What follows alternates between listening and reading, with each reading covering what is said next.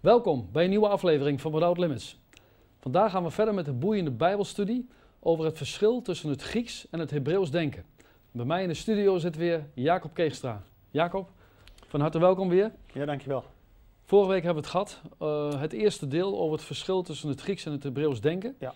Kun je nog even herhalen wat we vorige week besproken hebben? Ja, het is eigenlijk het verschil tussen het wereldse denken en het bijbelse denken. In de Bijbel zegt Jezus ook van, we staan wel in de wereld, maar we zijn niet van de wereld. Ja. Zodat we dus vernieuwd worden door de vernieuwing van ons denken. Ja. En in ons denken, zeker in onze westerse cultuur, is door de Griekse filosofie, het Griekse denken behoorlijk beïnvloed. Daar hebben we vorige keer over gehad, dat het Griekse denken ook een hele ontwikkeling heeft uh, Ja. meegemaakt. Dat die eerste fase van zo'n 700 voor Christus, dat was de fase dat ze via godenverhalen probeerden uit te leggen waar alles vandaan is gekomen. En uh, dat het ook doorwerkt in die Gaia-theorie over moeder aarde. Ja. En dat dat tegenwoordig in de New Age-beweging helemaal niet nieuw is, maar eigenlijk het oude Griekse denken is. Ja. Nou, en daar zegt de Bijbel van, word je niet wereldgelijkvormig, maar wordt vernieuwd door de vernieuwing van denken. Ja. Nou, en, En vandaag, vandaag? willen we het graag uh, hebben over uh, de bloeiperiode van de Griekse cultuur. Dat is met de grote filosofen van Socrates en Plato. En uh, dat was zo'n 400 voor Christus, de bloeitijd van de Griekse filosofie, die dan vervolgens ook een hele wereldmacht is geworden. Met Alexander de Grote was het een wereldrijk die van Athene tot China toe uh, ging. Dus die uh, Griekse cultuur heeft een enorme impact in deze wereld gehad. Ja. En als we het vandaag willen hebben over die bloeiperiode van de Griekse tijd, met name Plato is daar zeer ja, maatgevend in. Die Plato die had een mensbeeld, dat je natuurlijk als mens wel ja, een eenheid bent, maar die had een onderscheid tussen ziel en lichaam. En juist in je ziel, door met name daarin weer het denken, de Ja. logos, Ja. dat door het denken kon je weten wat het goede is. Idee van het goede. Dus via het denken wees je wat de normen was van goed en kwaad. En in het lichaam, dus met je handen werken, ja, dat is wel opgaan, blinken en verzinken. Dus daar kun je niet eeuwigdurende normen uit afleiden. Dus in zijn mensbeeld was er een onderscheid tussen ziel en lichaam. En dat zien we tegenwoordig ook. Eh, Kijk alleen maar naar een computer. Heb je ook een hardware en een software. Ja. Software als het denkende programma Ja. en die hardware is gewoon eh, hoe het verder uitgevoerd wordt. En dat zie je door hele cultuur, dat ook in de moderne tijd, ja, ehm, bijvoorbeeld heb je in de wetenschap die, eh, die bedenkt wat vervolgens in de wereld wordt uitgevoerd. Of bij bedrijven, een groot verschil tussen de managers die eh, bedenken wat goed is en de medewerkers die moeten gewoon doen wat er gezegd wordt. Dus Ja. die zijn in wezen een object. Ja. Nou, je wordt gepland, dus daarmee word je ook niet in je mens zijn echt gewaardeerd. Nee, maar je moet gewoon doen wat er gezegd wordt. En dat komt al van dat Griekse denken via die persoon als Plato, die een onderscheid had tussen denken en doen.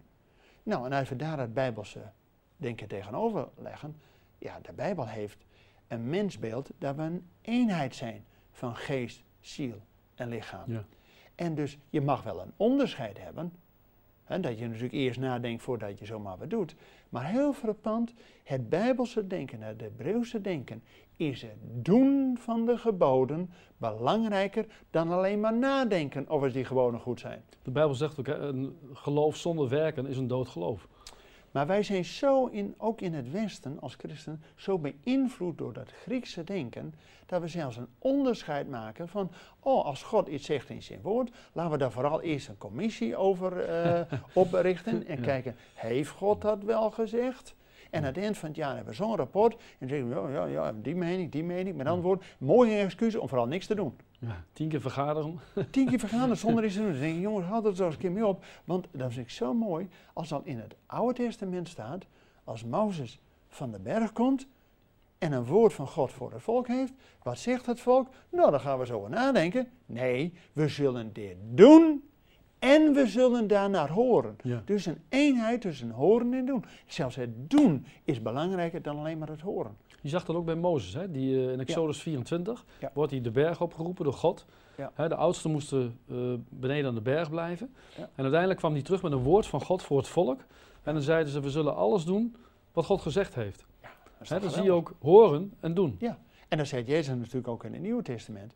Als je alleen maar eh, hoort, maar niet doet, ben je geen dader van het geloof. En Ja. dus eigenlijk Ja, niet een goede, betrouwbare getuige. En dan misleid je jezelf. ja, zegt de Bijbel zelfs. Ja, En eh, wat we vorige keer ook hadden in die tekst, dat mensen door hun eigen redeneringen wordt hun verstand verduisterd, zodat ze niet kunnen weten wie de werkelijke God is en gaan, gaan ze zich maar richten op alles wat hier in deze wereld voorra- voorradig is. En als je dan die bloeiperiode van die Griekse eh, cultuur met iemand als Plato, die dat onderscheid heeft tussen ziel en lichaam, en die, die, die, die indeling van die ziel nog verder uitsplitst naar denken en willen.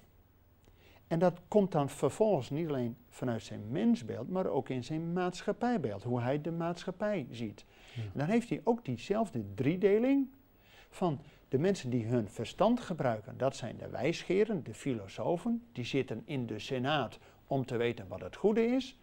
En degene die zijn wil gebruikt, dus zijn wil oplegt, is de koning met zijn ambtenaren en zijn legers. En degene die het lichaam, die dus de handen en de voeten zijn, dat zijn de arbeiders die nodig zijn om eten te drinken en dat dan ook. Maar die worden dus door de koning met zijn legers in wezen de wil opgelegd, hooguit dat die koning nog gaat luisteren naar wat die wijzen dan weten en, en, en bedenken wat het goede is. Dus die indeling hoe hij ziet dat de mens in elkaar steekt van denken, willen en het handelen, zo is ook zijn maatschappij ingedeeld. En als je daar nou tegenover legt het bijbelse denken in de gemeente. God heeft aan de gemeente gegeven een vijfvoudige bediening Ja. van profeten, van apostelen, van evangelisten, van herders en van leraren. Ja. In wezen is dat ook zo'n hand van geest die wijst naar boven. De ziel met zijn denken, zijn willen en zijn voelen, die drie, de ziel. En het lichaam die naar beneden, eh, het, het concrete met de voeten op de grond. Maar je bent als mens wel een eenheid van geest, ziel en lichaam. Want als je alleen de ziel hebt, dat je alleen door je eigen denken moet weten wat de waarheid is, dan mis je de geest van God. Want alleen door de geest van God kan onze geest beïnvloeden en te weten wat het goed is. Daarom moeten we ook vernieuwd worden in ons denken, omdat we de geest van God nodig heeft, Ja. hebben. Maar het is niet alleen dat wij een eenheid moeten zijn als mens, een geest, ziel en lichaam, maar ook in de gemeente is het dat die apostelen, dat zijn de mensen die de gemeente gefundeerd hebben, gegrond. Dan is het de profeet die zegt, hoort het woord van God. De evangelist van de lange vingers, de lange hand, om iedereen erbij te krijgen. De herder is degene van de ringvinger, van de trouw. Een herder is ook degene die trouw is aan de gemeente. Ja. En de leraar, dat is dat kleine ding, die wurmt overal doorheen, want het woord van God, zegt eh, de Bijbel, het woord van God snijdt van één geest en ziel. Oftewel, overleging van ons hart. Daarom is het zo van belang dat we als een eenheid in de gemeente, met al die vijfvoudige bedieningen die God geeft, dus er is wel een onderscheid. Een evangelist is niet een bijbelleraar en een herder is geen profeet. Maar God heeft dat gegeven om de gemeente te voeden Ja. tot een gelijkvormig aan het beeld van Christus. Ja. Nou, maar als die Plato dan zegt, nee, het denken is belangrijk en het doen, forget it. Nou, dat ebt door, eh, ook in ons christelijk leven, van ah, wat we op zondag bedenken, leuk, kunnen we het over hebben bij de koffie, Ja. wat die predikant misschien gezegd heeft, maar wat we op maandag doen, dat is wel wat anders. Dan denk ik, dan hebben we het net niet begrepen. Dan zitten we meer in het wereldse denken, in het Griekse denken, in plaats van het Bijbelse en het Hebreeuwse denken. En die, die, die scheiding hè, tussen denken en doen, hoe komt dat bij ons naar voren? Nou ja, vanuit die Griekse periode van Plato, de scheiding tussen ziel en lichaam, is in de moderne tijd, na de middeleeuwen, is bijvoorbeeld iemand als Descartes, die eh, in Nederland, er was een gevlucht iemand uit Frankrijk, die kwam in Nederland, want er was een vrijplaats voor alles en iedereen. En die had een stelling, door het denken ben ik. Door het denken heb ik beheersing van die werkelijkheid. Ja, Dus in ja. mijn denken leg ik een raster op aan de werkelijkheid en kan ik die wereld beheersen.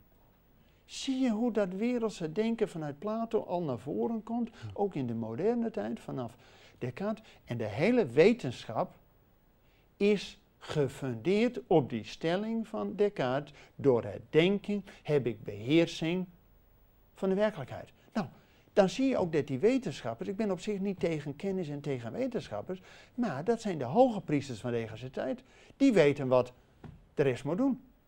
Zie je hoe dat gewoon doorwerkt? Dus ook in deze tijd zie je dat door het denken, en helaas als iemand maar een laag IQ heeft, ja, die mag dan misschien nog net een andere baantje hebben, maar de echte mensen, de diehards, zijn de mensen met veel kennis. Nou ben ik niet tegen kennis, maar de Bijbel waarschuwt ons dat die veelheid van kennis opgeblazen maakt. Daarom moeten we niet in dat zielige wereldje blijven, maar de geest van God die naar boven. Daar moeten we door gevoed worden. Ja. En daar heb ik ook iedere keer, als ik tegen jou dat zeg, dat is iedere keer, wij, als je tegen een ander hebt, wijzen de drie vingers naar jezelf. Dus uh, we snappen het. En uh, ik heb ook gehoord dat er is zo'n boek, dat heet The Secret. Ik weet niet of je er wel eens van gehoord hebt, maar dat is ook een boek waarin ze zeggen van, uh, als je er maar sterk genoeg aan denkt, dan gaat het ook gebeuren en dan ga je het ook ontvangen en dat soort dingen. Ja. Maar komt dat een beetje uit dezelfde hoek, denk je? Nou ja, kijk, Plato die zei al, door het denken, als je dat goed beoefent, door je logica goed te be, uh, uh, bedrijven, dan kom je tot inzicht van de waarheid en weet je wat het idee van het goede is. Ja. Maar dat is een abstract gebeuren. Het blijft een idee. Ja. Maar dat gaat ook door, in, bijvoorbeeld in de middeleeuwen. Daar hadden die, die uh, theologen waren ook aan het nadenken wat het goede is het unum, het bonum en het verum heette dat in het Latijns. Maar het, het, het, het bonum, het goede, ja, daar was men natuurlijk ook naar op zoek. Alleen, daar krijgt het idee van het goede, krijgt in de middeleeuwen gelukkig een gelaat dat dat niet het goede zomaar wat is, maar God. Want God is goed. Ja. Want vorige keer hadden we het ook heel duidelijk, we moeten niet iets in de schepping verheerlijken en daar onze waarheid onze normen uithalen, maar van de schepper. Ja.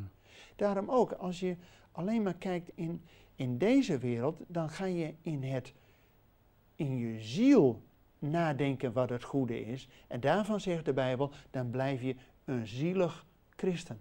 Je hebt het nodig om door de geest van God gevoed te worden. Vandaar ook dat Jezus weer in de laatste, uh, laatste Bijbelboek aan die zeven gemeentes, dus een voltallige, veelkleurige gemeentes, zegt hij, wie oren heeft, die horen wat de geest tot de gemeente zegt en wie overwint. Nou, dat heeft natuurlijk alles te maken met het, ook het overwinnen van dat, van dat denken wat in deze wereld is. Ja. Raakt niet, smaakt niet, roer niet aan, maar proeft en smaakt dat de Heere welgevallig is. Dus iedere keer is het een afzetten tegen dat we niet met een half been in de wereld staan, maar vernieuwd worden door de vernieuwing van je denken. Ja. Zullen we misschien die mooie tekst lezen die Jezus ons aanraakt in Filippenzen? Hoe we dan niet alleen als gelovigen, maar ook als gemeente onderling die eensgezindheid mogen hebben. Filippenzen hoofdstuk 2. En vanaf welk vers is dat? Vanaf vers 2. Ja, daar staat. Maak dan mijn blijdschap volkomen door eensgezind te zijn, één in liefde betoon, één van ziel, één in streven, zonder zelfzucht of ijdel eerbejag. Doch in ootmoedigheid achter de een de ander uitnemender dan zichzelf. En ieder lette niet slechts op zijn eigen belang, maar lette ook op dat van anderen. Laat die gezindheid bij u zijn, welke ook in Christus Jezus was, die in de gestalte God zijnde het goede, nee, het gode gelijk zijn niet als een roof heeft geacht. Amen. En aan de mensen gelijk is geworden. Ja. Ja, ja dus ook het, het, de Bijbel roept ons op om juist ook eensgezind te zijn. Dus niet het denken en de mensen die veel verstand hebben te laten prevaleren over de rest. Ja. Zodat we dus niet in wezen managers spelen in de gemeente, van oh, dat de raad of de, of de broederraad, of hoe je het ook maar doet, of de kerkenraad, dat dat als een managers zijn die het allemaal wel even bedenken en de gemeente moet gewoon doen wat er gezegd wordt. Nee, de mensen met de gaven zijn gegeven aan de gemeente tot opbouw van allen. Ja. Dus die gezindheid van Christus die als een dienstknecht leiding geeft. Dus mensen met de gaven van apostel, profeet, evangelist, herders en leraars is niet om zelf lekker, eh, hè, maar om de gemeente te dienen. Zodat wij verder gaan van kracht tot kracht naar en gelijkvormig worden aan het beeld van Christus. Want Jezus komt pas terug als ook de gemeente volkomen is. Ja, dat zal natuurlijk nooit 100% worden, maar we moeten wel daarnaar streven, zegt, hebben we net gelezen, in eensgezindheid. Niet in zelfbejag, maar dat we elkaar ook, ja, het, het belang van de ander, dat staat, dat is een mooie tekst, en daar hebben wij als christen nog wel wat in te leren. Dat de een de ander in ootmoedigheid belangrijker acht dan zichzelf. Maar dat Griekse denken is, wat ik bedenk, mag jij uitvoeren. nou, dan ben jij de slaaf van mij. In dat Griekse denken, die hele Griekse cultuur, die kon ook alleen maar functioneren doordat die filosofen en, en die koningen, die waren allemaal vrijgesteld van slavendienst. Maar ze hadden heel veel slaven om maar gewoon hun leventje als uh, ja, welgestelde te kunnen hebben. Dan denk ik, ja, maar de Bijbel zegt, al die slaven na zeven jaar weer vrijlaten. Dus niks geen langdurige positie van onderdrukking. Er wordt juist in de Bijbel altijd weer een nadruk opgelegd dat ook de ander een mens is geschapen naar het beeld van God. En die mag jij niet tot jouw slaaf bombarderen. Dus niet met jouw denken brengen, oh, hoe kan ik hem nou even een hak zetten? Nee, je mag bedenken hoe je een ander mag dienen. Ja. De een in ootmoedigheid, ach de ander uitnemender dan zichzelf. Nou, daar hebben wij helaas, ook ik, nog een hoop in te leren. Ja. We hebben het gehad hè, over denken en doen. Ja. Uh, als we denken aan de eenheid tussen denken en doen. Van dat vind ik een hele interessante uh, vraag, zeg maar. Hoe doen we dat? Eén zijn in denken en doen. Ja. Kijk, de Bijbel is natuurlijk niet tegen het nadenken. Maar iedere keer staat in de Bijbel dat het doen van de geboden belangrijker is dan alleen maar het nadenken daarover. Dus dat je, ehm, als je niet tot actie komt, dat het geloof niet in het doen uitgewerkt wordt, dan ben je als christen een zielig gebeuren, leef je in de ziel, maar doe je niks concreet. Want dan kun je ook geen vrucht voortbrengen. Nee, want de Bijbel zegt, als je ziet dat je naaste honger heeft, of naakt, of wat dan ook, en je zegt, nou vrede jongen, en je reed je maar, zonder hem te voorzien van wat nodig is, dan laat jij schuld op je. Dus eigenlijk moeten we uh, al automatisch denken. Stel dat er is iemand in nood van. Uh, hey, dat, dat moet eigenlijk al in ons denken zitten van die moet geholpen worden. Ja, eh, we hebben net gelezen dat je niet op je eigen belang alleen, maar ook op belang van de ander. Wat is goed ook voor die ander? Door te geven word je zelf rijker. Ja. ja. door juist want eh, vele christenen die willen natuurlijk heel graag ontvangen. Hè? Als ik maar ontvang. Oh Heer, ik wil vooral ontvangen. De Bijbel zegt, door het te geven ontvang je zelf. Wat zegt Paulus? Door het woord van God te verkondigen, word je zelf opgebouwd. Dus hoe word je opgebouwd in het woord van God? Door het aan een ander uit te leggen. Nou, ook al snapt die ander nog niet, maar jij wordt erdoor gezegend. En het laatste Bijbelboek zegt alleen al van, je wordt al gezegend door het horen van het woord van God. Ja. Maar als het alleen maar in het denken blijft hangen en niet concreet wordt in ons dagelijkse doen en laten, ja, dan hebben we nog een uh, etage te gaan. De Bijbel en de, Jezus zegt ook, het doen van de geboden is belangrijker dan alleen maar erover na te denken. Ja. Dat, uh, ja, uh, uiteraard, we zijn als mens wel te onderscheiden in een hand, een voet, een oog en, en noem maar op. Maar wil niet zeggen dat het denken belangrijker is dan doen. Nee, je hebt um, in wezen als mens die eenheid staat centraal.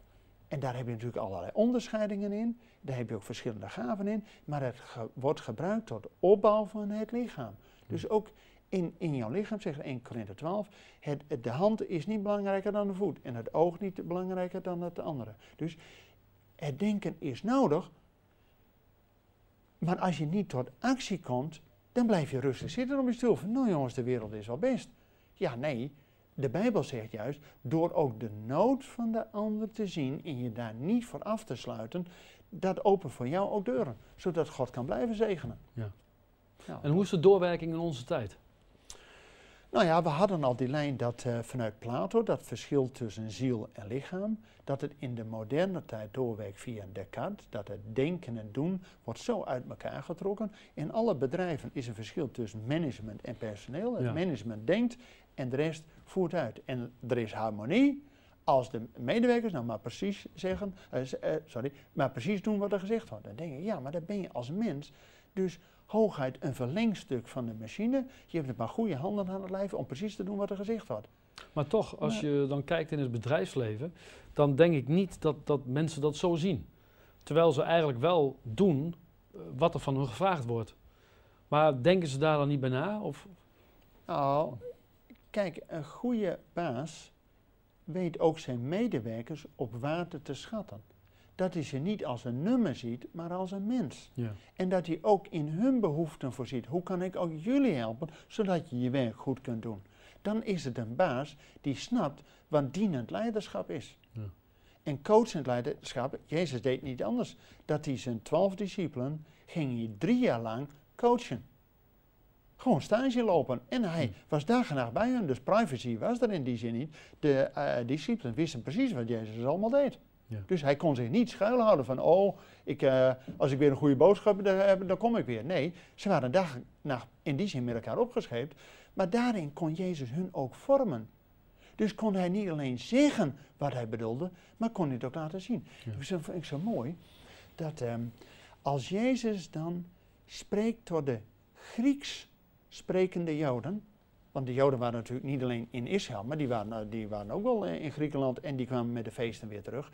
En als Jezus het dan heeft in de Grieks sprekende Joden, dan zegt Jezus met name allemaal de ik ben woorden. Dus dan zegt hij wie hij is.